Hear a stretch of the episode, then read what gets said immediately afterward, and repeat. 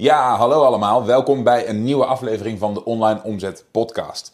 Ik heb uh, vandaag wat interessants voor je, want ik heb de afgelopen periode veel vragen gekregen over het stukje productiviteit en time management. En het is eigenlijk een onderwerp waar ik de afgelopen periode heb geprobeerd mijn vingers niet te veel aan te branden, omdat ik uh, denk dat het te veel afleidt van de meer theoretische, inhoudelijke kant van, van online verkoop, van online marketing, van de techniek daaromheen, van de strategieën daaromheen.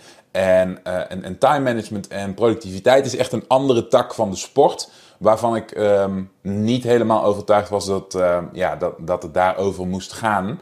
En ik ben daar een beetje op teruggekomen. Want ik zie dat voor heel veel mensen dat echt een worsteling is. Dat het heel lastig is om uh, ja, je, je eigen productiviteit onder controle te krijgen als je daar nog niet zo goed in bent of als je dat nog niet um, uh, zeg maar langer als prioriteit hebt beschouwd. En vooral startende ondernemers en al helemaal ondernemers die eerst uit het, het normale werkveld zijn gekomen, die bijvoorbeeld een, een, gewone baan hebben gehad en dan zelfstandig aan de slag gaan, die kunnen hier moeite mee hebben. Het punt is, als je ondernemer bent, dan heb je niet de structuur die een normale werkomgeving je biedt. Dus je hebt niet de soort van achterliggende gevoel van, van verplichting dat je ergens om, uh, om half negen of negen uur aanwezig moet zijn. Je hebt niet de vaste achturige werkdag. Je hebt niet de, de soort van aangegeven lunchpauzes. Je hebt niet dat stramien wat je bij wijze van spreken bijna forceert om productief te zijn. En, en omdat de verantwoordelijkheid daarin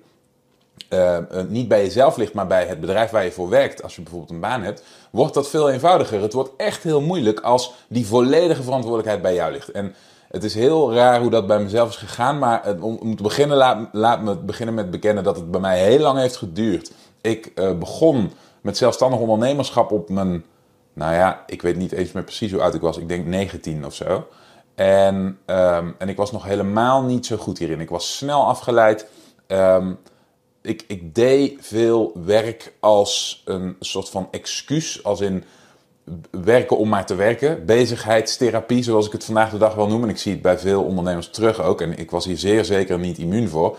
Um, en niet. En, en, en het heel moeilijk vinden om, uh, om voor mezelf kritisch te zijn met wat echt belangrijk was. Om prioriteiten te stellen, om te structureren, om te plannen. Al deze dingen vond ik heel moeilijk. En in het begin heb ik er heel lang over gedaan om iemand te worden die, uh, die, die graag veel werkte. Dus in het begin was het meer een probleem dat ik misschien te weinig werkte dan dat ik te veel werkte. Of dat ik te weinig werkte in plaats van dat ik te veel of, uh, of aan de juiste dingen werkte. En later, en dit is heel maf, en dat, sommigen van jullie zullen dit misschien herkennen. Later werd ik een, een soort van productiviteitsjunkie. En ging ik ook veel, um, veel productiviteitsprogramma's, time management courses. Uh, uh, uh, ja, goed, al dat soort onderwerpen bestuderen. En met het verstrijken van de tijd werd ik steeds meer um, een, ja, ik, in de meest extreme vorm noem ik het even een workaholic. Ik, het werd steeds meer, hoe kan ik nog meer doen? En hoe kan ik nog meer uit mijn tijd destilleren? En hoe kan ik het allemaal nog efficiënter inzetten? En hoe kan ik ervoor zorgen dat er nog meer output uit diezelfde units tijd komt? En toen uh, brak er een moment aan dat ik juist eerder te veel dan te weinig werkt. En dat is bijna net zo schadelijk. Ik denk wel dat te veel werken beter is dan te weinig werken als je, als je voor jezelf uh, onderneemt. Maar op een gegeven moment werd het echt een, een, beetje een probleem.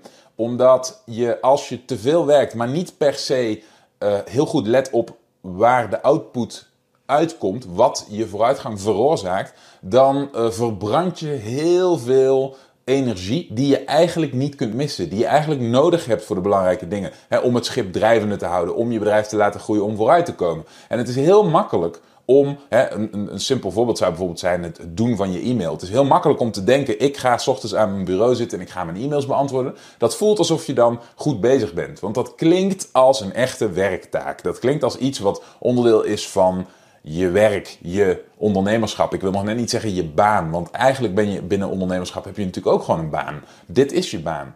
Um, en dat is een enorme valkuil, want dat soort taken zijn niet high leverage en de uit, output daarvan is vaak minimaal, terwijl ze net zoveel of soms zelfs meer energie kosten dan een high leverage taak of een, stukje high leverage output. En, uh, nou ja, goed, een lang verhaal kort, daar ben ik een, een hele periode bovenop gestort. En op een gegeven moment vind je dan, uh, dan, dan ga je eerst te ver, dus dan word je een beetje workaholic achter achtig. Als je niet te ver gaat, dan heb je de neiging misschien net iets te veel de teugels te laten vieren. En zo kom je steeds meer zo bij zo'n middenlijn die uh, gezond is en in balans is. En helemaal perfect zullen de meeste mensen het nooit doen. Maar hoe dichter je die balans weet te benaderen, hoe beter het is. Nou, daarover ging het een tijdje geleden tijdens de QA van mijn programma met een aantal van mijn klanten. En ik heb daarin een stukje uitleg gegeven over hoe ik dit zelf benader en waar nou eigenlijk op een dag de belangrijkste punten liggen om op te letten. En ik denk dat je daarmee geholpen bent. Dus daar wilde ik het heel graag tijdens deze aflevering met je over gaan hebben. Dus laten we snel gaan kijken.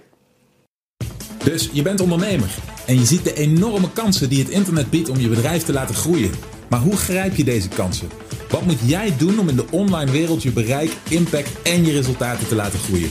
Mijn naam is Michiel Kremers en in deze podcast neem ik je mee achter de schermen in een modern, hardgroeiend online bedrijf en ontdek jij het antwoord op de vraag: hoe worden kleine ondernemers groot? Het, het onderwerp productiviteit en focus, dat deel ik in van breed naar minder breed. Dus van, van uh, breed naar gedetailleerd. Zeg maar. Dat is hoe ik het normaal gesproken zie. En in de eerste instantie kun je, ik pak even dit whiteboard erbij.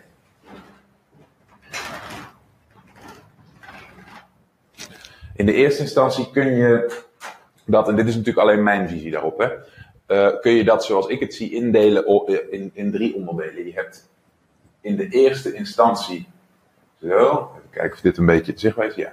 In de eerste instantie heb je bijvoorbeeld werk. En in de derde instantie, zeg ik dan maar even, heb je vrije tijd. Oké? Dus werk en vrije tijd zijn twee hele herkenbare uh, chunks van je tijd. Hè? Dat zijn, uh, als, je, als je dagelijks leven bekijkt, is waar we ons uh, het grootste deel, gedeelte van de tijd mee bezighouden, behalve slaap. En, maar dat is niet alles. Dat zullen jullie met me eens zijn. Dus je, het is niet zo dat als je het hebt over werk en vrije tijd, dat je dan alles wat je in je leven doet, hebt gecoverd. Daar zit een wat minder tastbare categorie tussen. En die noem, ik er, die noem ik dus letterlijk ook maar even bij gebrek aan een beter woord, uh, alles ertussen. Dus ik noem maar even gewoon alles ertussen. Oké? Daar heb ik geen mooiere titel voor. Maar dat is de, dat is de grove indeling hoe ik, het, uh, hoe ik het normaal gesproken opdeel. En het idee bij uh, productiviteit is dat je je niet alleen focust, want dat is een grote fout die vaak gemaakt wordt, op je werk.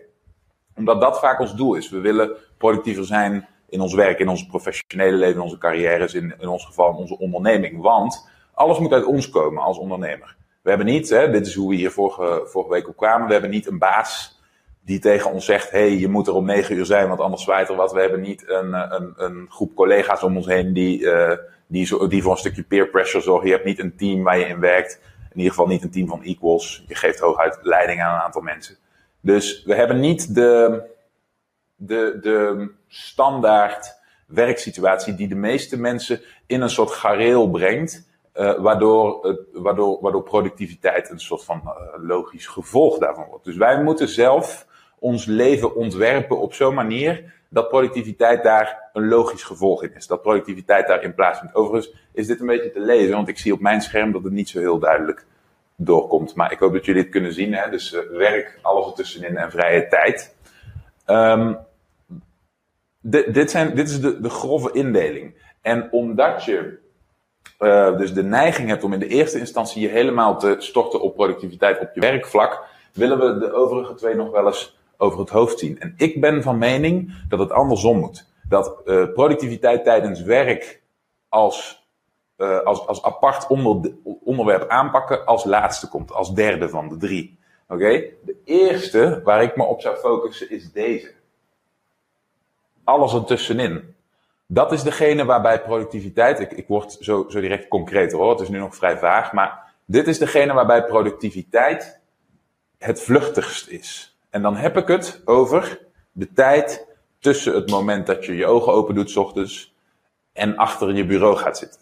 Oké? Dat is zo'n vaag gedeelte. Dat is niet werk, maar dat is zeker ook niet vrije tijd. Tenminste, dat is niet hoe de meeste mensen het ervaren, de eerste uren van de dag voordat ze aan het werk gaan. Een enkeling misschien. Oké. Ehm, als je stopt met werken, om bijvoorbeeld te gaan lunchen, en je gaat daarna weer door met werken. Oké? Dat is niet echt vrije tijd, toch? Je lunchpauze, laat ik hem zo maar even noemen. Dat is ook geen werk. Snap je wat ik bedoel? Um, als, je, als je aan het einde van de dag, als je al een paar uur gestopt bent met werken, maar je moet nog, toch nog even snel een paar dingetjes doen, dan kom je ook in zo'n vage waas, waarbij je niet echt productief aan het werk bent, maar waarbij je ook geen, geen vrij hebt, waarbij het ook niet voelt als vrije tijd. Oké? Dit vind ik de belangrijkste. Dit is degene die het meeste risico's met zich meebrengt, die het, die het gemakkelijkst een vele malen groter gedeelte van onze tijd en onze energie gaat opslokken, terwijl die terwijl die altijd lijkt alsof die niet zoveel voorstelt. Het lijkt alsof het een klein gedeelte is van de, van de tijd die we hebben in een dag. En dat is de eerste waar ik, uh, waar ik altijd bovenop duik als het gaat om het structureren van je tijd. En uh, de manier waarop we dat doen is, is als volgt. We breken dit op in kleinere stukjes. Dus we hebben hier het alles ertussenin blok tussen werk en vrije tijd. En die kunnen we, als we hem uitvergroten, indelen in de ochtend, in de lunchpauze en in de zeg maar namiddag, wat daar dan ook onder valt. We houden het nog eventjes heel globaal en heel breed. Nou, die ochtend, dat is de eerste. En dat is in mijn ogen de belangrijkste van deze drie. Dus zoals je ziet, hè, we beginnen bij deze. Daar kiezen we de belangrijkste uit. In mijn ogen is dat alles wat tussen werk en vrije tijd in zit. Dat is de meest risicovolle. Dan gaan we vervolgens gaan we die verder uitspecificeren. Dan hebben we de ochtend, de lunch of de middag en de namiddag. En dan pakken we daar weer de belangrijkste van. Dat is in mijn ogen de ochtend. Dat is degene, het blok, waarin de toon wordt gezet voor de dag. Dat is degene waarin als je die, um, als je daarin een beetje de teugels laat vieren, als je dag niet geweldig begint, als je niet vol energie aan je, aan je werk kunt beginnen, dan zet dat een bepaalde toon die, waar, de rest van de dag uh, de gevolgen van ervaart. En dat is in, zowel in positieve zin zo als in negatieve zin zo. En dat zullen, zullen velen van jullie uh, ook herkennen dat als je bijvoorbeeld s ochtends niet goed uit je bed kunt komen en je besluit dan maar, want dit is iets wat voor veel ondernemers geldt. Hè? Je, niemand dwingt jou om s ochtends aan je werk te beginnen. Dus over het algemeen moet, uh, moet, zijn, zijn de meeste ondernemers s ochtends in een situatie waar ze de keus maken om helemaal vrijwillig, wel of niet, op te staan en aan het werk te gaan. Oké, dit zul je herkennen, hè? Laat, me dat ook weten. Maar um, je zult dan herkennen dat als je zo'n ochtend hebt waarbij dat niet vanzelf gaat, waarbij je niet zoiets hebt van yes, ik, ik, ik, ik, ik kom eruit, ik ga aan gang. Uh, maar je bent traag, je bent een beetje lui, je hebt er niet zoveel zin in, het wil allemaal niet. Dat je misschien wel om een uur of acht zo al wel wakker was, oké? Misschien als je een ochtend bent, was je, was je misschien zelfs al wel opgestaan, oké? Maar dan is het op een gegeven moment negen uur, en je bent nog niet begonnen, want je hebt een, een trage dag.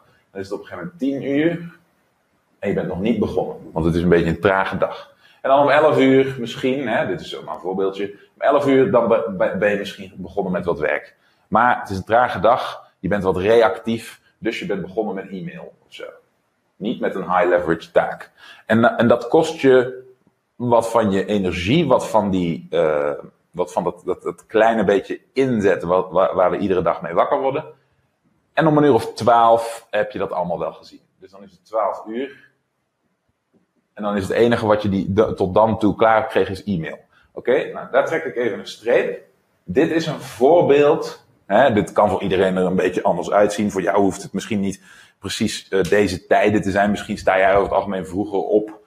Maar betekent dat voor jou nog steeds niet dat je, dat je, dat je nou zozeer een productieve dag hebt? Misschien ben jij juist een, een avondmens. Ik ben een avondmens, ben geen ochtendmens. Dus misschien sta je nog wel later op. Maar het feit dat je een aantal uren verspeelt, oké, in de ochtend. Met wat geklooi. Waarbij je te traag ontbijt. Waarbij je waarbij je jezelf misschien verliest aan social media. Waarbij je misschien de tv aanzet, God forbid, oké. Zoiets dergelijks. Zo'n ochtend kan er tussen zitten. En dan ga je eindelijk aan het werk, maar dan heb je eigenlijk ook geen zin. En dan open je maar gewoon je e-mail, want dat is lekker makkelijk. Zoiets van, mijn e-mail openen is zo'n concrete taak. Ik noem dat dat bedrijfje spelen. E-mail is geen werk, oké? Dus, um, dus voor je het weet, is, is, is zo'n eerste chunk van je dag is voorbij, dan is het 12 uur middags. Oké? Voor jou is het misschien 11 uur ochtends of 1 uur middags. Maar eh, de eerste chunk van je dag is voorbij. En die eerste chunk, die heeft, zeg, oh, noemen we hem maar even eh, deel 1. Zo. Die heeft nu de toon gezet voor de rest van de dag. En vaak als je zo'n ochtend hebt, voelt dit alsof je al een hele dag achter de rug hebt. En omdat het voelt dat je al een hele dag achter de rug hebt, voelt het alsof die dag eigenlijk al gefaald is. En daar zit het risico. Want zodra jij het gevoel hebt dat die dag al gefaald is, dan is het heel moeilijk om daarna, terwijl het pas 12 uur is, hè, je hebt nog bij wijze van spreken heel de middag de tijd, is het heel moeilijk om dit daarna om te keren en te denken, ik ga er vandaag voor, terwijl je dat eigenlijk nog makkelijk zou kunnen zeggen, want het is pas 12 uur, is het heel lastig om te zeggen, ik ga er vandaag voor. En van 12, zo, uh, van 12 tot 2, zo, sorry, even goed schrijven, ga ik een, uh, een taak vervullen. En van 2, nou laten we zeggen van, van uh, 3 tot 5 ga ik een andere taak vervullen, een echte taak, een high leverage taak. Dit, dit is het, het probleem waar we, waar we vaak tegenaan lopen. Dus dat er een, een als we die, uh, die, die tijd die tussen werk en vrije tijd zit, hè, als we daaruit filteren dat daar uh, ochtend, lunch slash middagpauze en namiddag een onderdeel van zijn, dan kunnen we herkennen dat de ochtend daarvan degene is die de toon zet. En dan kunnen we herkennen dat als die toon op de verkeerde manier gezet wordt, dat we de eerste uren van de dag verspelen en dat daarmee de toon voor de rest van de dag gezet wordt. Dus die is in dit geval niet zo blij. Hè? Zo, oké. En dat we dan de rest van de dag ook niet productief zijn. En het, het alternatief daarvan is dat als we een goede toon zetten voor de dag, dat we wel aan de gang gaan en wel die, uh, die productieve taken alsnog doen. Dus, de reden dat ik hierop inga, is dat we hieruit de conclusie kunnen trekken dat als wij nadenken over onze eigen productiviteit op een gemiddelde werkdag, oké, dat we dan in de eerste instantie onze pijlen moeten richten op die, alles ertussenin. Daarbij is de ochtend de belangrijkste. Dus waar moeten we aan werken? Aan de zekerheid dat we onze ochtend goed beginnen. Oké? En dit zie je als je uh, productiviteitstrainingen volgt. Degene van jullie die, dit die dat gedaan hebben, zult herkennen. Je ziet dat bijna alle productiviteitstrainingen op enig moment het onderwerp van het ochtendritueel behandelen. En dat is niet voor niks zo. En ik ben van mening dat je ochtendritueel het belangrijkste ritueel van de dag is. Het is niet het enige ritueel en het is ook zeer zeker niet. Um, het is zeker niet zo dat, dat je.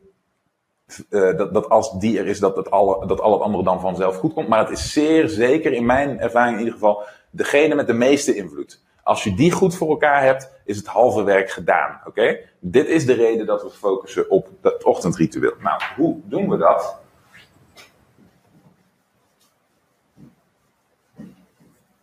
Je hoort me het woord ritueel al zeggen.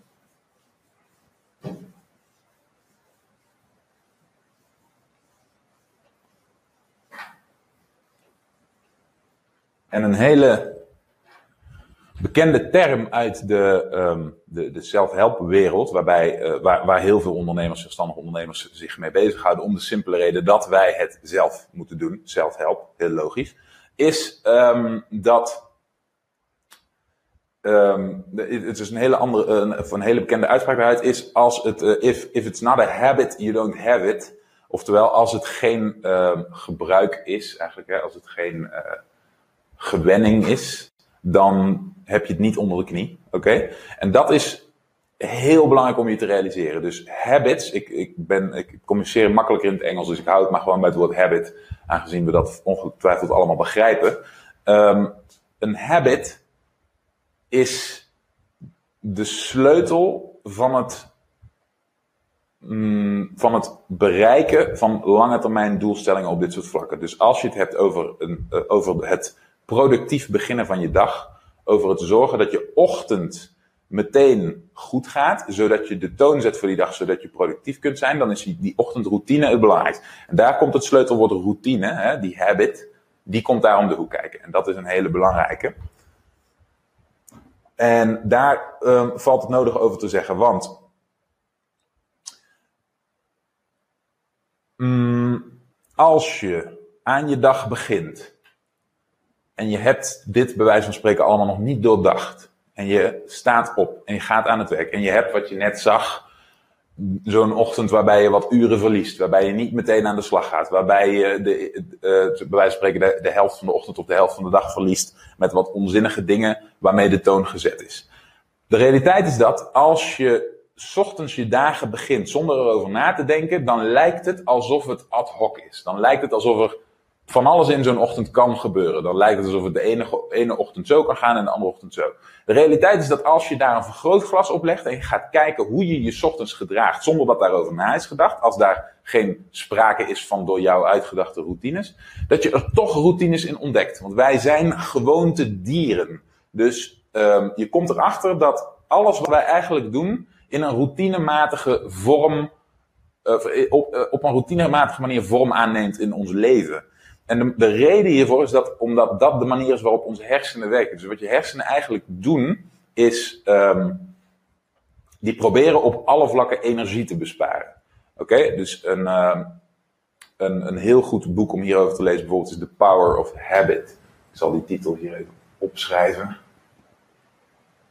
Power of Habit. Maar waar je achter komt, als je dit, uh, dit, onder, dit onderwerp bestudeert, is dat je uh, dat je hersenen proberen op alle fronten energie te besparen. Op het moment dat je hersenen creatief moeten denken en iets nieuws moeten verzinnen, dan kost dat relatief de meeste energie. Dus wat je hersenen daarna proberen te doen, is die proberen die creatieve oplossing die jij hebt bedacht voor een bepaalde situatie, die proberen ze te projecteren op vergelijkbare situaties. Dus als jij hebt nagedacht over een bepaalde handeling in de ochtend, bijvoorbeeld, hé, hey, ik ben wakker geworden, ik lig op mijn rug in een bed, maar ik moet aan mijn dag beginnen dus, ik, dus het zou handig zijn als ik overeind ga zitten en opsta. Dan, hè, dat doe je gedurende je leven, natuurlijk honderden, duizenden keren.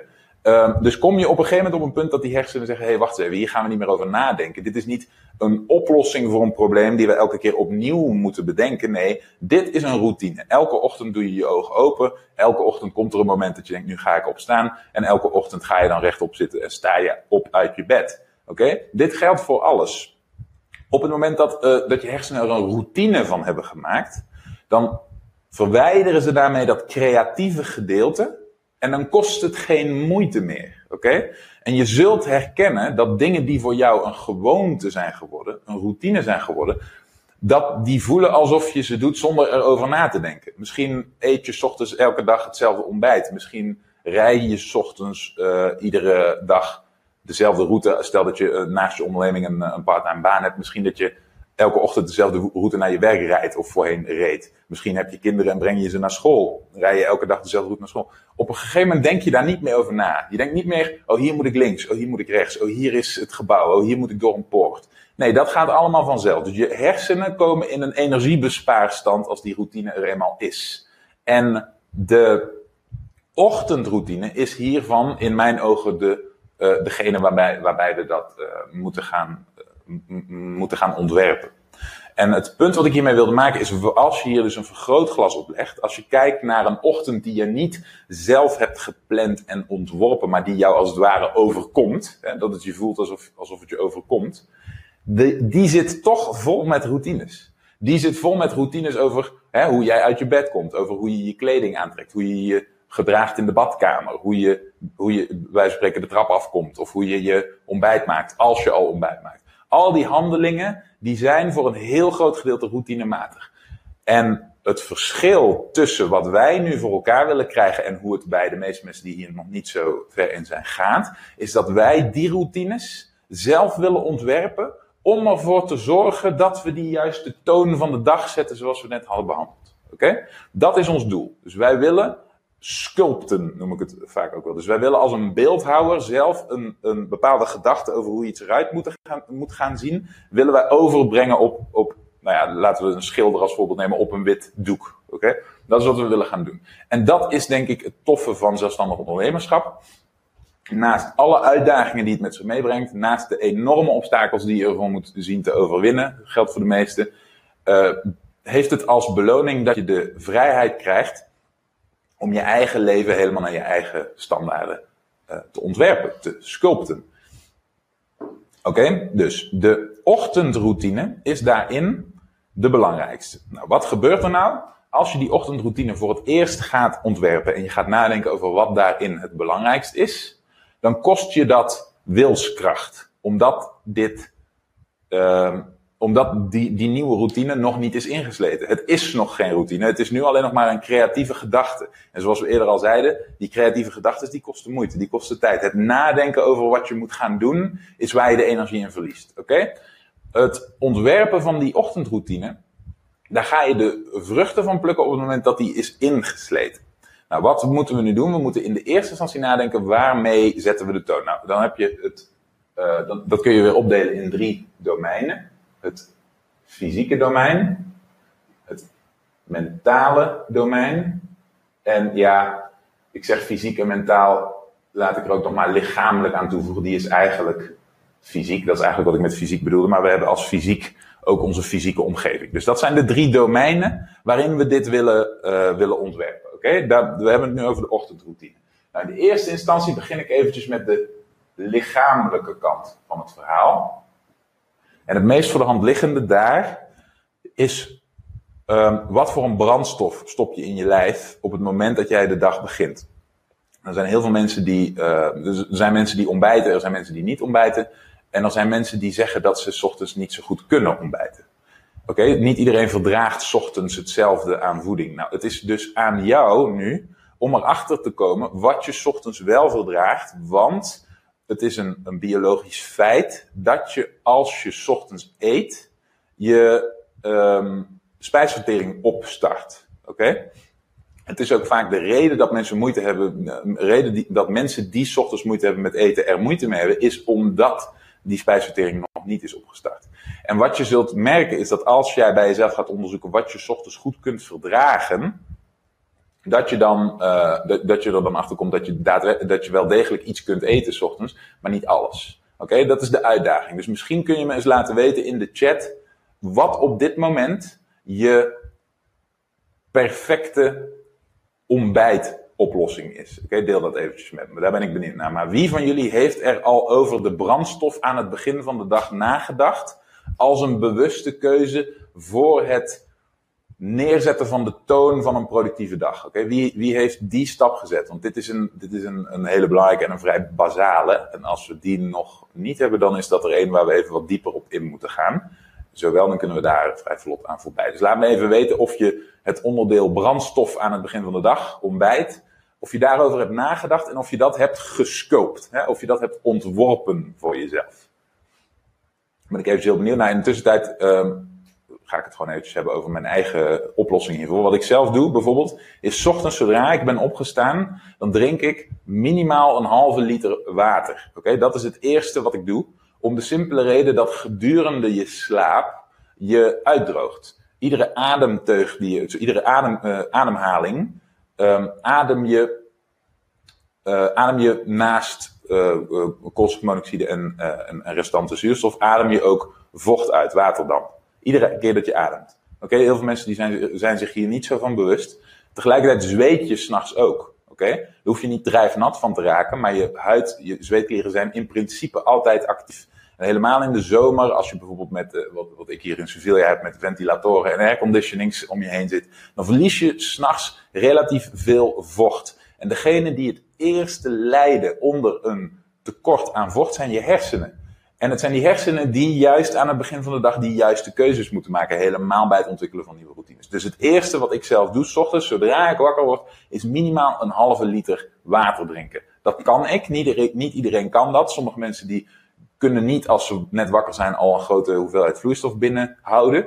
Als je dat niet kan, geen probleem. Kleine slokjes. Maar drink water. Oké, dat is, dat is een, een, een die ik je graag wil meegeven als je dat nog niet doet. Marion, jij zegt dat je inderdaad niet alles verdraagt. Momenteel ontbijt je met veel vocht en fruit. Oké, maar dat is een heel goed begin. En het, het, uh, het mooie hieraan is, ik zie overigens Rian dat jij het ook heel belangrijk vindt dat je ontbijt in balans is. Anita ook, eerst eten, dan pas gaan werken.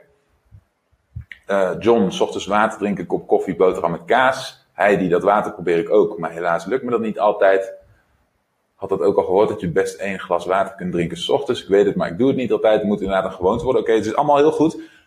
Wat ik hier hoor, Marion, jij bent daar een mooi voorbeeld van, is dat jullie hiermee bezig zijn. En dat is heel goed, oké? Dat je erover aan het nadenken bent. Wat je je moet realiseren, en daar kom ik zo direct op, is dat je uh, want, want Marion, jij bent hier, uh, wat ik al zei, een mooi voorbeeld van. Je bent hiermee aan het stoeien. Oké? Als je hiermee aan het stoeien bent, als je hier proactief over aan het nadenken bent, iedere ochtend, of erachter komt dat er periodes zijn waarin dit niet goed lukt, dan betekent dit één heel belangrijk ding. Het is nog geen routine. Oké? Het gaat niet vanzelf. Het is niet iets waar je niet over hoeft na te denken. En dat is het punt wat we willen bereiken. Oké? Um, ik ga eventjes door op, op, hoe deze situatie bij mijzelf uh, is, is ontstaan. Hè. Ik begon met, met de, dat ik voorheen uh, had ik sporadisch ontbijt. Uh, niet altijd het, dat begon heel vroeger met brood en dat soort dingen. En later werden het allerlei zoete muesli's en dat soort troep. En ik wilde op een gegeven moment graag een gezonder, meer sustainable ontbijt. Het probleem daarvan was, het is niet per se het lekkerste ontbijt. Oké? En je lichaam is helemaal s ochtends als het, als het wat, wat, wat low in, in energy mode zit, hè, wat, wat weinig voedingsstoffen in zich heeft, extra gevoelig voor suikers. Maar is niet per se goed, want wat doen suikers? Suikers zorgen voor een energiepiek en een energiedip. Dus als je ochtends begint met suiker, dan denk je, yes, ik heb er zin in. En een half uur later, dan krijg je een sugar crash. En dan is het ineens allemaal niet meer zo makkelijk. Oké, ik begon toen met het perfecte ontbijt. Dan gaan we weer sculpten. Oké, en dat perfecte ontbijt dat hield voor mij in. Ik wilde dat er vocht in zat. En ik wilde dat er zoveel mogelijk vezels en gezonde vetten in zouden zitten. En zo min mogelijk suiker. Oké, dat waren mijn drie uh, vereisten. Nou, ik begon met havermout. Dat was een hele simpele basis. Heel gezond en heel veel vezels. En vervolgens ben ik daar alle mogelijke notenzaden en pitten aan gaan toevoegen. Dus ik voeg daaraan toe lijnzaad, chiazaad, uh, rauwe speldzaden, uh, amandelen en walnoten. Oké? Die gooi ik daar allemaal bij in één grote bak. En vervolgens voeg ik hier aan amandelmelk toe en dan heb ik in mijn ogen het perfecte ontbijt. Oké? Nadeel daarvan, proef het maar eens, een hap daarvan, als je dat nog nooit eerder op hebt. Het is niet bepaald een smaak waarvan de gemiddelde persoon roept: hoera, hoera, hier schrijf ik over naar huis, dit is echt een fantastisch ontbijt. Maar wat krijg je nou? Naarmate dat je dit routinematig, ochtend na ochtend, gewoon eet, zonder erbij na te denken, dan wordt dit een routine. En dan denk je niet meer na over of het wel of niet lekker is. Dan wordt het een gewoonte en dan eet je het gewoon op. En ik kan nu niet meer zonder dat ontbijt. Het is nu niet meer iets waar ik over nadenk. Mijn ochtend is niet compleet zonder dat ontbijt. Terwijl dit voorheen niet aanwezig was in mijn leven. Oké, dit is iets wat ik heb ontworpen. Dit is iets wat zich heeft gemanifesteerd met de tijd. En dit is iets wat nu een routine is waar ik niet, uh, waar, waar, ik niet zeg maar, zonder kan. En dat is het doel wat je wil. Nu hoeft dat niet exact hetzelfde ontbijt te zijn als wat ik hier als voorbeeld geef. Maar zolang je erover nadenkt, wat is slim om de juiste toon van de dag te zetten? Om ervoor te zorgen dat mijn, uh, mijn energie hoog is, dat ik aan de gang kan, dat ik, dat ik sustainable energie heb. Dus dat ik niet een, uh, een sugar high en sugar crash krijg, maar dat ik redelijk gelijk blijf qua energie, oké? Dan is dit hoe je erover na moet denken. En vervolgens.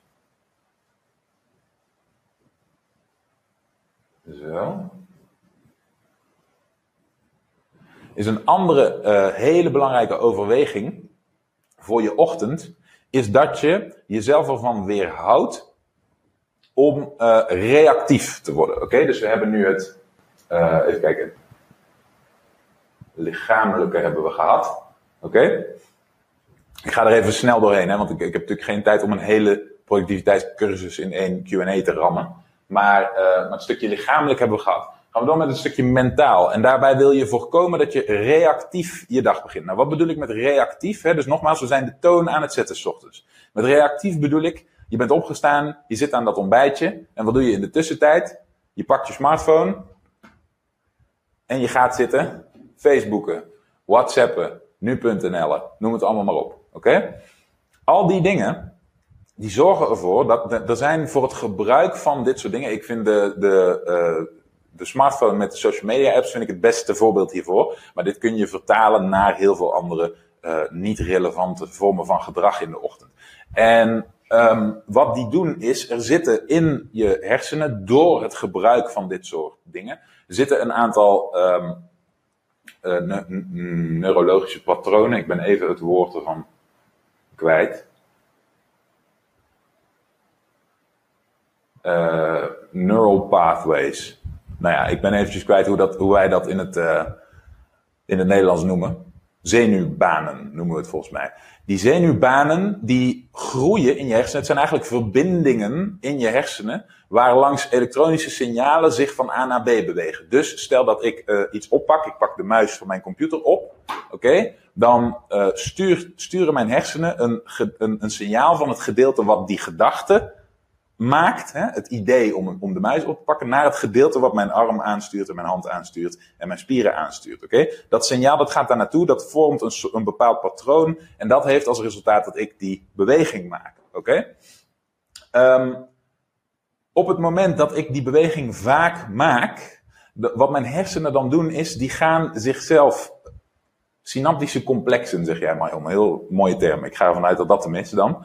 Uh, wat mijn hersenen gaan doen is, die zoeken de kortste weg van A naar B. Die gaan weer in energiebesparing. Die proberen hier een routine van te maken en die zoeken dus die kortste weg. Dat is wat er gebeurt. En vervolgens, doordat je zo'n handeling herhaalt, wordt het voor je hersenen steeds gemakkelijker. De drempel om dit gedrag te vertonen, het oppakken van die muis, wordt steeds lager. Oké? Nou, ditzelfde gebeurt bij het gebruik, even heel kort door de bocht, van je, uh, van je smartphone, van bijvoorbeeld sociale media apps. En daar zit nog een valkuil achter, want de gemiddelde sociale media app of, uh, of nieuws app of afijn, de, de dingen die we over het algemeen doen op onze smartphones, die proberen, daar zitten over het algemeen commerciële bedrijven achter, die proberen zoveel mogelijk van onze aandacht en tijd uh, te bemachtigen. Dus Facebook is een heel mooi voorbeeld hiervan en Instagram die apps zijn ervoor ontwikkeld om ervoor te zorgen dat jij zoveel mogelijk tijd op hun platform spendeert. Oké? En zelfs de gemiddelde e-mail-inbox, zoals die van Outlook of Gmail, hebben een bepaalde inrichting om ervoor te zorgen dat jij zo gemakkelijk mogelijk tijd spendeert op zo'n platform. Oké? Dat doen ze door je te belonen voor bepaald gedrag. En omdat je beloond wordt door dat gedrag, leer jij jezelf aan dat het positief is doordat je hersenen dopamine aan laten komen. Oké, Dopamine is een neurotransmitter die verantwoordelijk is in onze hersenen voor, uh, voor, voor, positieve dingen. Eigenlijk voor het najagen van positieve dingen. En die, uh, die komt vrij bij dat gedrag. Nou, hoe, waar, hoe sluit dit nou aan op waar we het nu over hebben? Als jij ochtends je dag begint met dit soort reactief, uh, reactieve dingen, zoals het checken van sociale media, zoals het lezen van je e-mail, zoals het, het uh, be bekijken van nu.nl of dat soort dingen, dan is dat een vorm van gedrag waarbij dopamine vrijkomt, waarbij jij beloond wordt, waarbij dat plezierig voelt voor jou. Dus het is heel plezierig en makkelijk om ochtends naast je lekkere ontbijtje je smartphone erbij te pakken en dit te gaan doen. Zo, scrollen door Facebook heen. En wat gebeurt er? Elke keer komt er iets nieuws in beeld. En elke keer krijg jij een klein dopaminepiekje, omdat je anticipeert dat er iets leuks komt. Dus je blijft de hele tijd najagen, oké, dat je weer beloond wordt. En wat doet dat? Dat, dat heeft als resultaat, dat, hè, dat is waar dat platform zo groot is geworden, dat heeft als resultaat dat jij de maximale tijd spendeert op dat programma. Maar dit heeft een veel serieuzere weerga op de rest van je dag. Want zodra je daarmee je ochtend bent begonnen, we hebben het nog steeds over de ochtend, zodra je daar je ochtend mee bent begonnen, dan is dat patroon in je hersenen geactiveerd voor die dag. En dat patroon, dat is uh, dat, dat, dat wil in principe dat positieve gevoel ervaren van die anticipatie. Dat wil beloond worden met dat dopaminepiekje. Dus de rest van je dag, als je daarmee bent begonnen, ben je gevoeliger voor signalen en voor prikkels die jou afleiden van andere taken om dit te doen. Hè? Dus om dit te doen. Om zo te gaan zitten. Om even die telefoon te pakken. Om even te ontgrendelen, om even te swipen, om even te lezen. Even kijken of er nog iets bij is gekomen. Oké, okay, dat is een vraag aan jullie. Wie herkent bij zichzelf het gedrag dat hij aan het werk is, en dan bedoel ik echt deep work, echt serieuze taken, bijvoorbeeld dat je, iets, dat je echt schrijft in een Word-document, bijvoorbeeld dat je iets aan het maken bent voor je bedrijf, een, een, een script, een e-mail, en dan bedoel ik niet een e-mail aan het beantwoorden, maar een, een nieuwsbrief aan het schrijven bent, een script aan het schrijven bent, aan je website aan het werken bent, een idee aan het uitwerken. Wie herkent dat hij in zulk werk zit en dat er ineens ping, een gedachte in je opkomt. Oeh, even checken. Dat je even een tabblad opent in je browser. Even snel je mail opent. Even snel iets checkt. Even snel de statistieken van het een of het ander bekijkt. Even snel je mobiel pakt. Even scrolt. Wie herkent dat moment? Oké, dat wil ik graag even van je weten. Wie herkent dat, dat punt dat dat ineens tussendoor komt? En dat je soms bijna niet in de gaten hebt dat het gebeurt. Omdat het zo ontzettend snel gaat. Voor je regen hebt. Ik zie er al twee, Heidi en Marion, die dit absoluut herkennen. Ik herken het zeer zeker zelf ook, hè? laat me dat voorop stellen. Anita, zeker niet. Telefoon gaat uit. Ik heb het niet alleen over je telefoon. John, jij herkende het ook al. Uh, ik heb het niet alleen te tegen je telefoon of over je telefoon. De uh, openen van een extra tabblad om heel even iets te bekijken is net zo gevaarlijk. Uh, even opstaan en, en weglopen van je bureau of een kopje koffie pakken. iets, dit, dit met die sociale media was het voorbeeld. Dat, dat heb, daar heb ik misschien iets te veel nadruk op gelegd. Maar iets wat jou beloont, in de vorm van dopamine, wat jou weghaalt bij je gefocuste taak van die dag. Oké? De reden dat ik dit aanstip is omdat als je daar je dag mee begint, je er de rest van de dag veel gevoeliger voor bent. Oké? Dus dan hebben we het over de mentale staat. Dit is het, mentale gedeelte van onze ochtendroutine. We willen reactieve dingen voorkomen. Oké? Um, de beste manier om dat te voorkomen en het beste om het mee te vervangen is door gefocuste concentratie. Oké, gefocuste concentratie. En uh, de, het, het, meest concrete voorbeeld daarvan, wat ik zelf ken en ook uh, intensief gebruik, is meditatie. En dan zul je misschien denken, want dat is, dit is, dit is een, een, een, onderwerp um, waar de meningen over verdeeld zijn. Want meditatie heeft een, een beetje een stigma. Dat het, uh, dat het een beetje kan, kan overkomen als het, als het hoort bij een wat zweverig, um, zweverig yoga, hippie, uh, oosters gedachtegoed. Oké? Dat er filosofieën achter zitten. Dat het gepaard moet gaan met, met um, met bepaalde soorten, uh, hoe noem je dat, zen-achtige muziek of boeddhistische gedachtegoed of uh, bepaalde sferen. Oké, dat is een punt. Maar meditatie beschouw ik helemaal niet op die manier. Ik koppel het helemaal los van filosofieën of culturele overwegingen. Meditatie, het enige wat ik, daarom huiver ik er soms een beetje voor, om het woord te gebruiken, maar, ik, um, maar het is wel wat, wat het bekendst is. Maar ik bedoel het dus eigenlijk gerichte concentratie. Dat is eigenlijk wat ik bedoel. In plaats van dat je je dag begint met reactiviteit, oké, met, het, uh, met het verliezen van je aandacht en je, uh, en je energie aan dingen die jouw dopaminesysteem hacken, hijacken en jouw tijd gaan opeisen. Hè? En dat kan van alles zijn, niet alleen die smartphone. Oké, probeer dat bij jezelf bloot te leggen. In plaats daarvan begin je je dag met een stukje training van het juist voorkomen van het laten overnemen van jouw aandacht en tijd. Oké?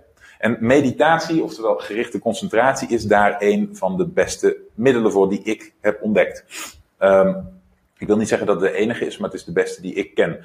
En wat houdt dat in mijn ogen in? Dat houdt simpelweg in dat je iedere ochtend een kleine periode tijd neemt. Ik zelf doe dat 20 minuten, oké? waarin je jezelf traint om je gedachten niet af te laten leiden. Oké? Dus je kunt de meest basic uitleg van meditatie hier ook voor gebruiken. Meditatie wordt vaak uitgelegd als je gedachten leegmaken, oké? En vervolgens uh, je te, concentreren op één ding, bijvoorbeeld je ademhaling, of de binnenkant van je oogleden, of uh, de ruis in je oren, of iets in die richting. En dat er op een gegeven moment, zoals bij ieder mens, een gedachte in je opkomt. Want dat doen je hersenen, dat doen ze bij iedereen. En, op, en als er zo'n gedachte opkomt, dat je jezelf dan aanleert om die gedachte, om dat door te hebben dat die opkomt. Het niet zozeer te, te veroordelen, maar die gedachte simpelweg weer los te laten. Oké? En dit continu blijven doen. Dus je probeert op het moment dat een gedachte in je opkomt, zo snel mogelijk. Oké, zonder te veroordelen, maar wel zo snel mogelijk. Door te hebben dat dat gebeurt. En die gedachte weer los te laten. Oké, nou vertalen we dit naar, als je, als je hiermee bent begonnen, gedurende je dag. Dan vertalen we dit eens naar je werksituatie een aantal uur later. Hè? Waarbij we allemaal herkenden, je bent aan het werk en ineens, ping, komt er iets in je op. Ineens, ping, denk je bij jezelf, oeh, even, even scrollen, oeh, oeh, oh, misschien is er wel weer oeh, een, rood eentje bij mijn berichten. Oeh, oh, een groen bolletje bij mijn WhatsApp. Oeh, even kijken.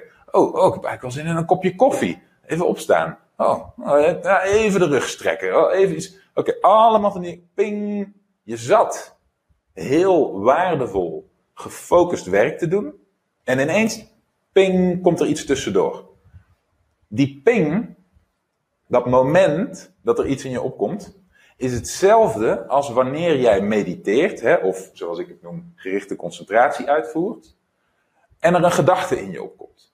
Oké? En je hebt op dat moment twee keuzes. Ofwel, je gaat door op die gedachte. Die gedachte die neemt het patroon over, die gaat de diepte in. Oké, die gaat jou zeggen: hey, we zijn hier nu over aan het nadenken. En nu gaan we hierover nadenken. En nu gaan we van de ene gedachte op de volgende gedachte op de volgende. En voor je het weet, realiseer je dat je het afgelopen kwartier van de hak op de tak bent gegaan. En dat je monkey mind, zoals we het ook wel noemen, uh, een loopje met je heeft genomen. Oké, dat is één keus. De tweede keus is je realiseren dat die gedachte er is en hem loslaten. Doe je ditzelfde tijdens je werk, oké, word je je bewust van het feit dat die gedachte in je opkomt om iets te doen, om je telefoon te pakken, om op te staan, om, om een extra tabblad te openen, om even een snelkoppeling aan te klikken, wat dan ook.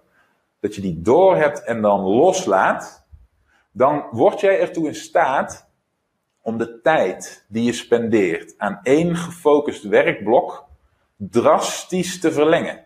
En dat is waar heel erg veel winst gehaald wordt op het gebied van focus. Oké, op het gebied van concentratie, op het gebied van productiviteit. Dus dan hebben we het stukje lichamelijk en mentaal hebben we afgevinkt. Dan hebben we nog het stukje fysiek. En met fysiek bedoel ik in dit geval niet je, uh, je fysieke lichaam, maar je fysieke omgeving. Dus waar je, uh, waar je jezelf in de ochtend moet primen voor de juiste brandstof in je lichaam, voor de juiste manier van denken, uh, moet je ook zorgen voor de juiste fysieke aanwezigheid, voor de juiste uh, dingen in je omgeving, die ervoor zorgen dat het extra gemakkelijk is om een goede start van je dag te maken. Nou, wat bedoel ik daar bijvoorbeeld mee? En dit is iets waar we het in de, uh, in de mindset modules in het programma ook over hebben, is um, ervoor zorgen dat je een goede werkplek hebt. Dus een, een werkplek die jou uitnodigt om aan het begin van de dag aan het werk te gaan en de juiste dingen te gaan doen. Dat betekent dat die werkplek zo min mogelijk afleidende factoren moet bevatten. Dat daar zo min mogelijk aanwezig moet zijn rondom die werkplek, wat niet bijdraagt aan een gefocust begin van de dag. Oké? En dit kunnen hele simpele dingen zijn als een opgeruimd kantoor. Het klinkt heel stom, maar dat maakt een enorm verschil. Um, dit kunnen dingen zijn als uh, een goed geventileerd huis, voldoende licht op de plek waar je werkt. Oké, al deze dingen dragen daaraan bij.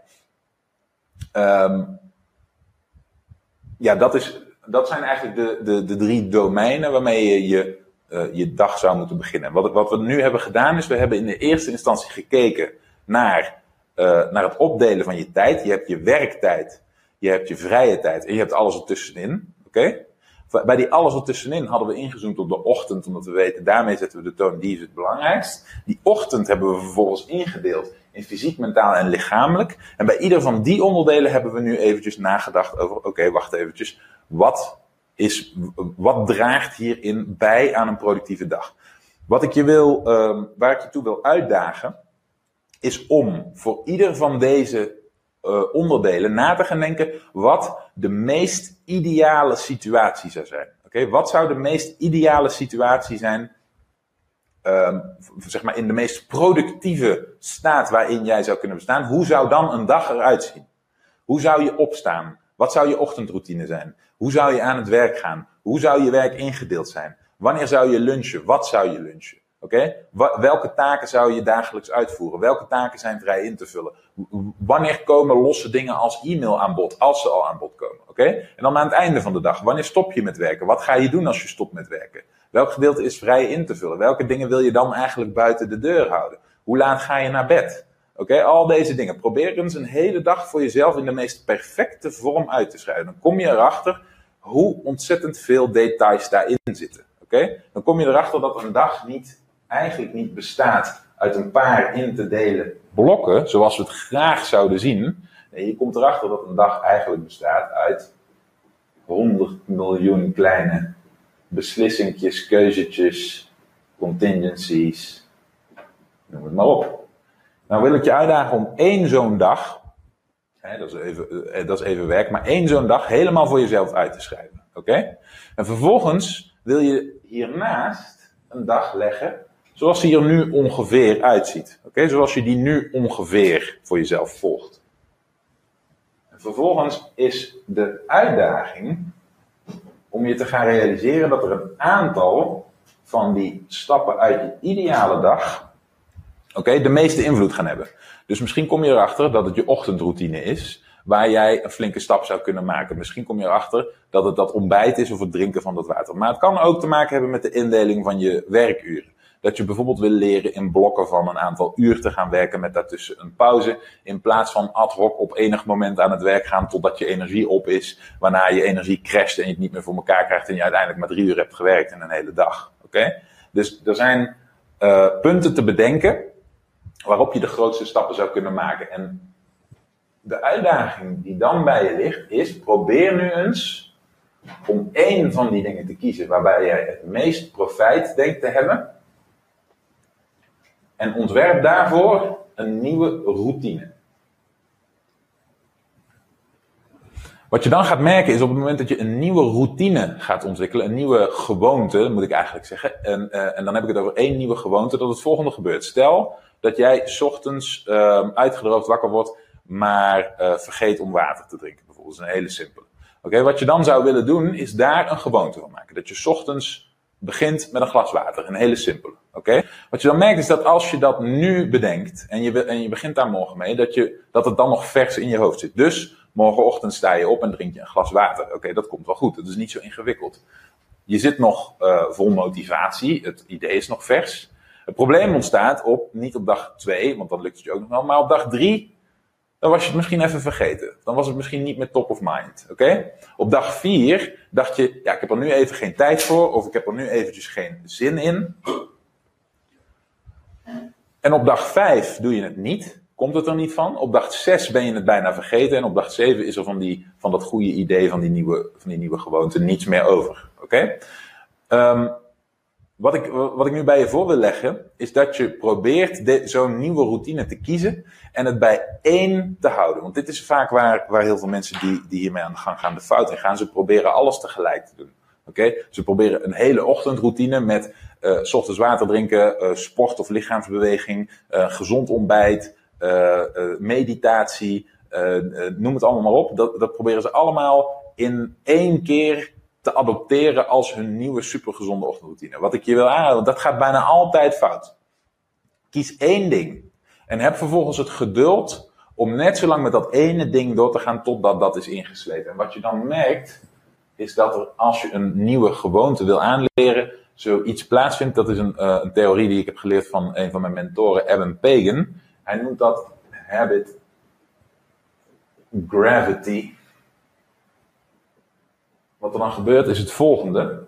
Op het moment dat je met iets nieuws begint, dan kun je dat vergelijken met een raket die de atmosfeer van de aarde moet verlaten. Dus zoals je misschien weet is een raket, is voor, uh, als je, als je zo'n raket hebt, zo, is voor zeg maar ongeveer 80, 90 procent is dat ding brandstof. Oké? En van die brandstof heeft die zo 90 procent nodig om uh, de eerste, ik geloof de, e-, de, de eerste 2% van zijn reis af te leggen, of zoiets dergelijks. En de overige 10% die heeft hij nodig voor de rest van heel die reis. Dus een raket die naar Mars gaat, die heeft zodra die de atmosfeer heeft verlaten, bijna geen brandstof meer nodig om zijn doel te bereiken. Hij verbruikt bijna al zijn brandstof om van de grond te komen. Dus wat je dan krijgt, als je dat in een grafiek weergeeft, is dit. Oké? Als, we, uh, als die raket van de grond komt, dan heeft hij bijna al zijn brandstof nodig, oké? Om vooruit te komen. Om dit stukje aan afstand af te leggen. En voor de rest van zijn reis heeft hij alleen nog maar dat beetje brandstof nodig. En hetzelfde geldt voor onze, um, voor onze nieuwe routine. Op het moment dat we daarmee beginnen, dan hebben we, zoals ik aan het begin van deze sessie heb gezegd, dan hebben we dat kleine beetje wilskracht nodig, wat we hebben. Oké? En dat kleine beetje wilskracht, dat uh, stelt ons ertoe in staat om iets te doen, iets creatiefs, iets nieuws. Zo'n nieuw pad, zo'n nieuwe zenuwbaan in onze hersenen aan te leggen. Oké? Um, en daar energie in te stoppen. Oké, daar gaat al onze energie heen in het begin. En vervolgens, als we dit hebben herhaald, dan wordt het een gewoonte. Dan houdt, houdt het stand en dan kost het ons niet meer zoveel energie om het vol te houden. Dus het risico dat een nieuwe routine instort, zit hem hier. Oké, in dat begin. Dus wat we moeten proberen is, als we een nieuwe routine ontwikkelen, het zo simpel mogelijk te maken. Één ding tegelijk. En het, um, en het, bijna onmogelijk te maken om daarin te falen. Dus het inevitable maken. Het uh, onover... Nee, inevitable, afijn, daar gaan we weer. Nederlands, Spaans, Engels, alles door elkaar. Uh, maar inevitable te maken. Dus dat je bijvoorbeeld, als je ochtends wil beginnen met het drinken van water, om ervoor te zorgen dat je niet uitgedroogd bent, dat je iedere avond van tevoren alvast een glas water op je nachtkastje zet. Dat je de drempel daarmee zo laag mogelijk maakt. Dat je iedere dag een herinnering in je agenda zet. hey, staat mijn glas water al klaar. Oké? En dat je misschien ook nog wel een herinnering aan uh, uh, zet in je agenda aan het einde van je ochtend heb ik mijn glas water bij het opstaan gedronken. Oké? Dat je continu dingen, contingencies inbouwt in je routine die ervoor zorgen dat je niet kunt falen op dat vlak. Oké? Als je dan toch een dag faalt bij een nieuwe routine, is je uitdaging zo snel mogelijk terug in die routine te gaan. Oké? Het kan een keer voorkomen, maar wat niet kan, is dat je hem dan loslaat. Dus wat je wil voorkomen, is dat zodra je eh, zeg maar off the wagon bent, dat je, dat je één of twee keer faalt bij het uh, toepassen van je nieuwe routine, dat je dit dan loslaat en dat het daardoor helemaal nooit meer komt. In plaats daarvan wil je ervoor zorgen dat je meteen de dag erna opnieuw die routine oppakt en doorgaat, om ervoor te zorgen dat je dit gedeelte overleeft. Als je dit gedeelte hebt overleefd, oké, dus die habit gravity, zoals het, hè, want dat is, dat is net als bij die raket. De aarde trekt met zijn zwaartekracht aan die raket. Net zoals dat onze oude routine trekt aan ons gedrag. Oké? Onze oude routine, het niet drinken van water, s ochtends maar gewoon opstaan en een beetje ad hoc eh, aan de gang gaan, dat was onze routine. Die trekt aan ons. Dat, dat is wat onze lijf en onze gedachten eigenlijk vanzelf willen doen. En in plaats daarvan moeten wij dat stukje wilskracht elke dag gebruiken, die brandstof, hè, die moeten wij elke dag gebruiken om te zeggen: nee, ik gebruik mijn wilskracht, mijn creativiteit om te zeggen: ik ga nu een glas water drinken. Ik ga nu een gezond ontbijt maken. Ik ga nu 20 minuten, pardon, 20 minuten mediteren. Oké, dat is hoe dit werkt. Dat is een, uh, een, stukje wat ik wilde aanstippen. Even kijken of ik nu uh, alles heb behandeld wat ik hierover wilde zeggen. Overigens, als jullie hierover nog opmerkingen hebben, hoor ik het natuurlijk graag.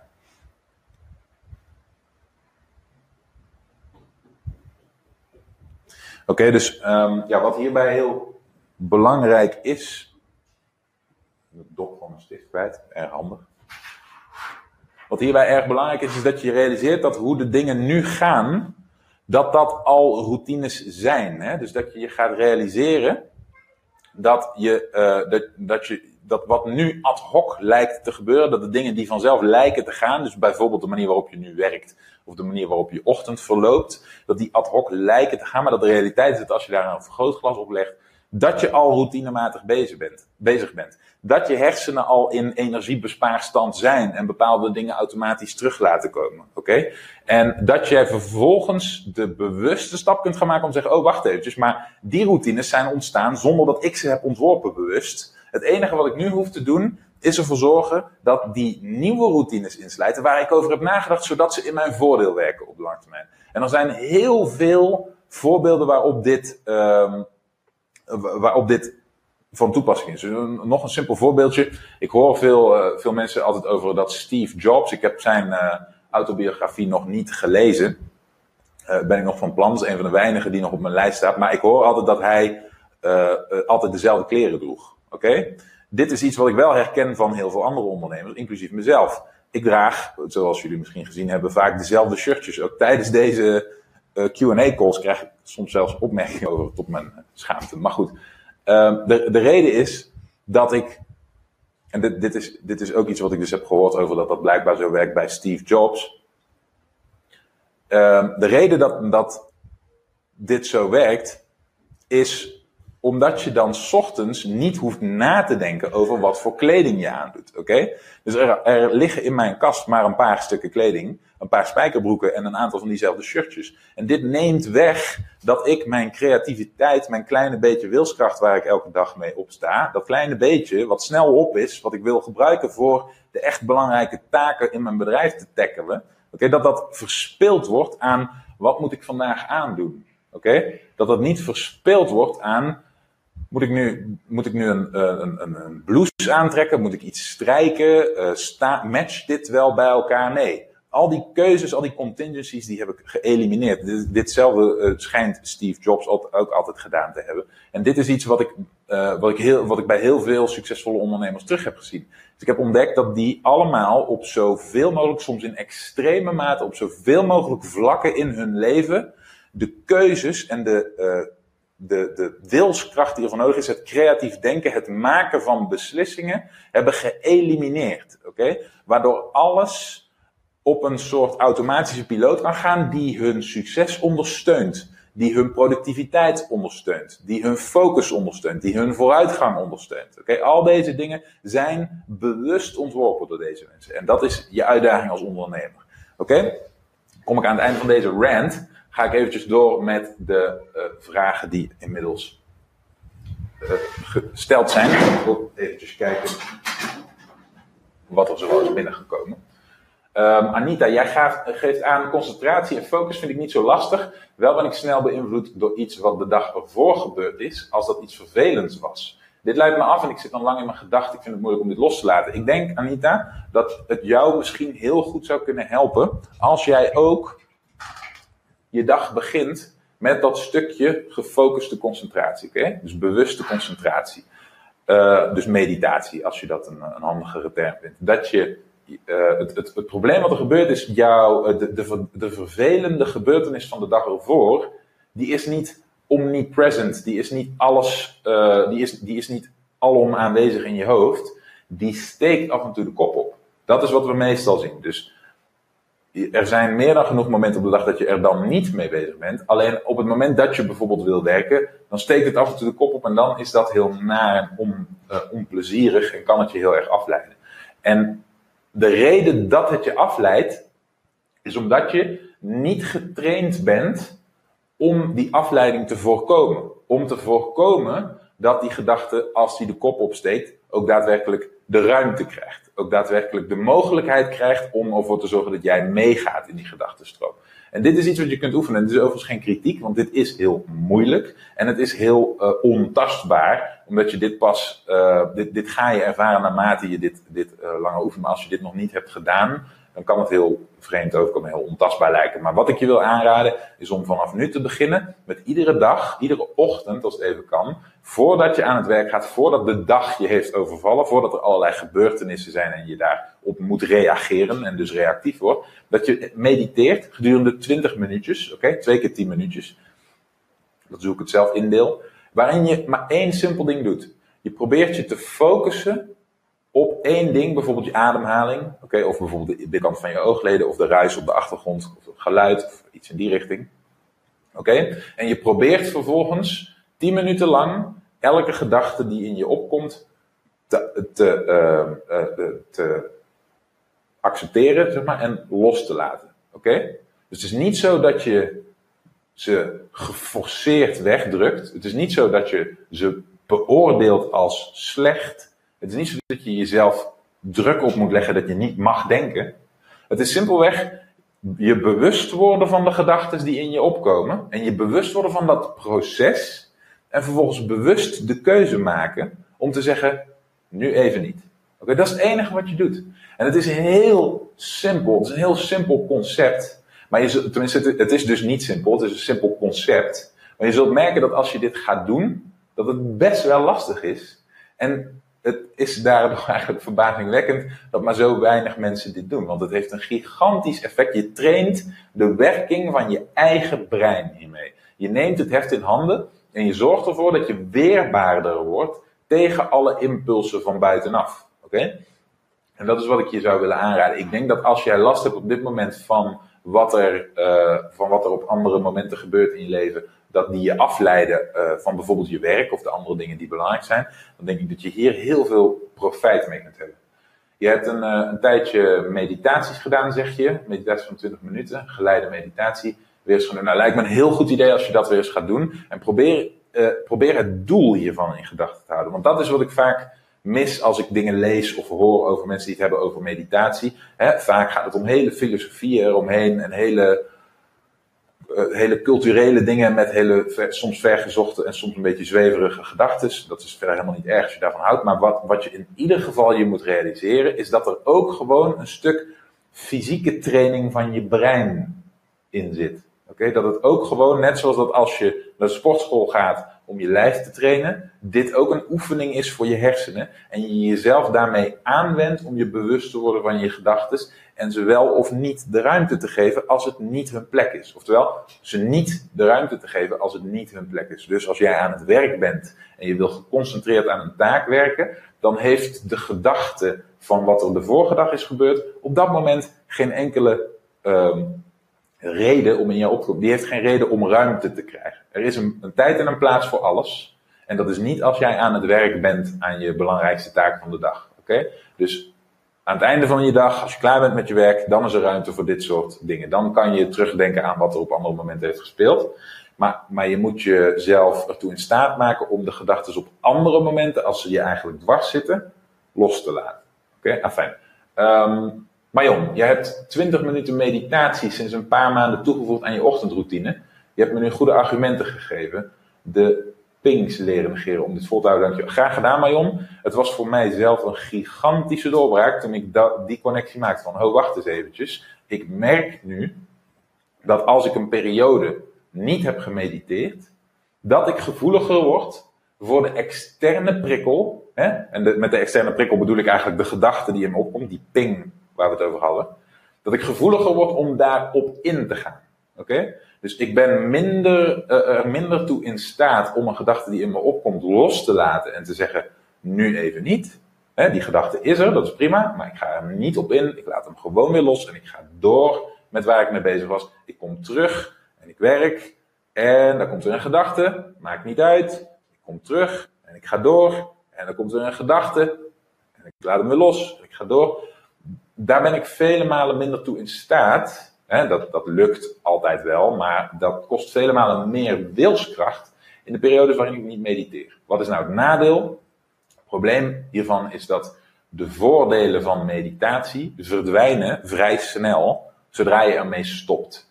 Je traint je brein, maar, um, maar je moet je voorstellen dat alle signalen van buitenaf altijd aanwezig zijn. Dus laat ik zo zeggen, je smartphone is altijd in je leven en is er altijd om te proberen jouw brein weer te trainen andersom. En reclameborden langs de weg en, uh, en, en telefoontjes van mensen om je heen en WhatsApp berichtjes en reclames op de tv. Alles in je omgeving is ook bezig jouw hersenen te trainen om juist wel in te gaan op een bepaalde externe prikkel. Dus wat je dan merkt is als je jezelf niet continu blijft trainen om juist die prikkels los te laten, te negeren op bepaalde momenten en, en te blijven focussen op op een bepaalde gedachte of juist geen gedachte, of in dit geval op je werk. Als je dat loslaat, dan zie je dat vrij snel je omgeving weer een soort van voet aan de grond krijgt en dat weer moeilijker wordt. Dat je weer sneller afgeleid raakt. Dus daarom uh, is in mijn ogen meditatie zo'n ontzettend belangrijk gedeelte van de ochtendroutine van een ondernemer. Um, Anita, hardlopen een uurtje helpt ook. Dat doe ik niet iedere dag. Nee, absoluut. Hardlopen is ook een hele goede. En dat, dat um, dat zorgt voor, voor, uh, voor, voor fysieke hernieuwing en voor mentale hernieuwing. En dan gaan we, dan gaan we wat dieper als mijn doel was. Maar uh, de beste manier voor men mental renewal, dus mentale hernieuwing, of, of, eigenlijk het resetten, is fysieke inspanning. Dus wat je merkt is als jij bijvoorbeeld vier uur aan een stuk keihard hebt gewerkt, dan merk je dat je, hè, je hebt stilgezeten, dus je bent fysiek niet moe, je bent mentaal moe. Oké? En dat, dat is een gevoel wat we allemaal zullen herkennen. Hard gewerkt hebben, je lang geconcentreerd hebben, dat, op een gegeven moment lukt dat gewoon niet meer. Dan is, dan is de batterij leeg. Oké, nou, om die batterij weer te vullen, werkt niets zo goed als fysieke inspanning. Oké, dus je mentale gedeelte loslaten en fysiek aan het werk gaan. En hardlopen is daar een prachtig voorbeeld van. Um, en ik ken een aantal ondernemers, ik ben er zelf niet één van, ik doe andere dingen smiddags. Maar ik ken ondernemers die smiddags standaard als onderdeel van hun routine uh, van hun bureau weggaan en naar buiten gaan en een stuk lopen of hardlopen. Om deze reden. Voor die fysieke renewal, of voor die mentale renewal door fysieke activiteit, zo moet ik het eigenlijk zeggen. Oké, ik hoop dat je hier iets aan gehad hebt. Zoals je ziet, focus ik me dus in de eerste instantie op die ochtend. Het gaat in mijn ogen heel erg om het zetten van de toon op een dag. En zoals ik net al uitlegde in die video, is als je de toon niet zet, is er heel gemakkelijk een ontstaat er heel gemakkelijk een situatie waarbij je tijd gaat verliezen, uh, energie gaat verspillen. Waarbij je, uh, zonder dat je daar heel erg duidelijk grip op hebt, mm, uren verder bent zonder dat daar een duidelijk meetbare, aanwijsbare output uit is gekomen. En dat is waar je als ondernemer echt voor moet waken, want je kunt het je helemaal in de beginfase vaak niet permitteren dat het zo gaat. En dan is er nog een interessante nuance hieraan die we niet in deze video behandelden, maar die ik je nog wel even uh, mee wilde geven, is als je op een gegeven moment begint met het aannemen van mensen binnen je onderneming, met het bouwen van je team, dan is het ontzettend belangrijk om hier één van je key elementen van te maken waar je op let. Dus ik wil niet zeggen dat een, eh, afhankelijk van de rol die een teamlid vervult, is het niet een vereiste dat ze al uh, super goed hierin zijn. Maar het is wel heel belangrijk voor jou als zeg maar, overseer, als, als stamhoofd, zeg maar, om goed te letten op is deze persoon efficiënt met zijn tijd bezig? Hè? Snapt hij of zij de basis van time management, de basis van productiviteit? En als die persoon bijvoorbeeld veel tijd verliest aan bepaalde dingen, dan is het aan jou om je vinger op die zere plek te leggen en om ervoor te zorgen dat dat teamlid dat gaat leren. En uh, ik denk dat, dat, dat daar het verschil echt, uh, een van de grootste verschillen ligt tussen ondernemer en werknemer. Is dat jij als ondernemer je erg bewust bent van, van, van hoe kostbaar tijd en energie zijn. En hoe snel je ze verliest. En ik denk dat als je je heel vroeg gaat realiseren dat heel veel van wat je doet als ondernemer daar gewoon op neerkomt. Dat je bijna alles altijd weer terug kunt boilen naar productiviteit, time management, efficiëntie. Uh, dan, dan, dan, gaat je dat uh, heel veel schelen in de toekomst. Ik hoop dat je hier wat aan hebt gehad. En uh, mocht je hier nou, mocht je hiervan nou denken, nou, dit, is, dit zijn van die onderwerpen, daar heb ik echt heel veel moeite mee. En, uh, en hier kan ik echt hulp bij gebruiken. Dan kan dat, dan helpen we je heel graag. Daar hebben we een aantal mogelijkheden voor. En de nieuwste mogelijkheid daarvan, dat is mijn training die ik je graag wil aanbevelen. En deze kun je bekijken via omzetwebinar.nl. Via die link kom je bij een gratis online training waarin ik door de basisstappen van online verkoop heen loop. Mocht je daar nou interesse in hebben, mocht je die training nou interessant vinden, dan bied ik je daarlangs ook de mogelijkheid om eventueel met ons samen te werken. Ik hoop je natuurlijk weer te zien in de volgende aflevering. Ik hoop dat je hiermee geholpen was en ik wens je heel veel succes. Bedankt voor het luisteren. Heb je iets aan deze aflevering gehad of heb je een vraag? Laat het me weten via de comments. En vergeet niet te abonneren. Dan blijf je op de hoogte van alle tips en strategieën waarmee jij als moderne ondernemer groot kunt worden. Voor een overzicht van alle afleveringen ga je naar onlineomzet.com/podcast.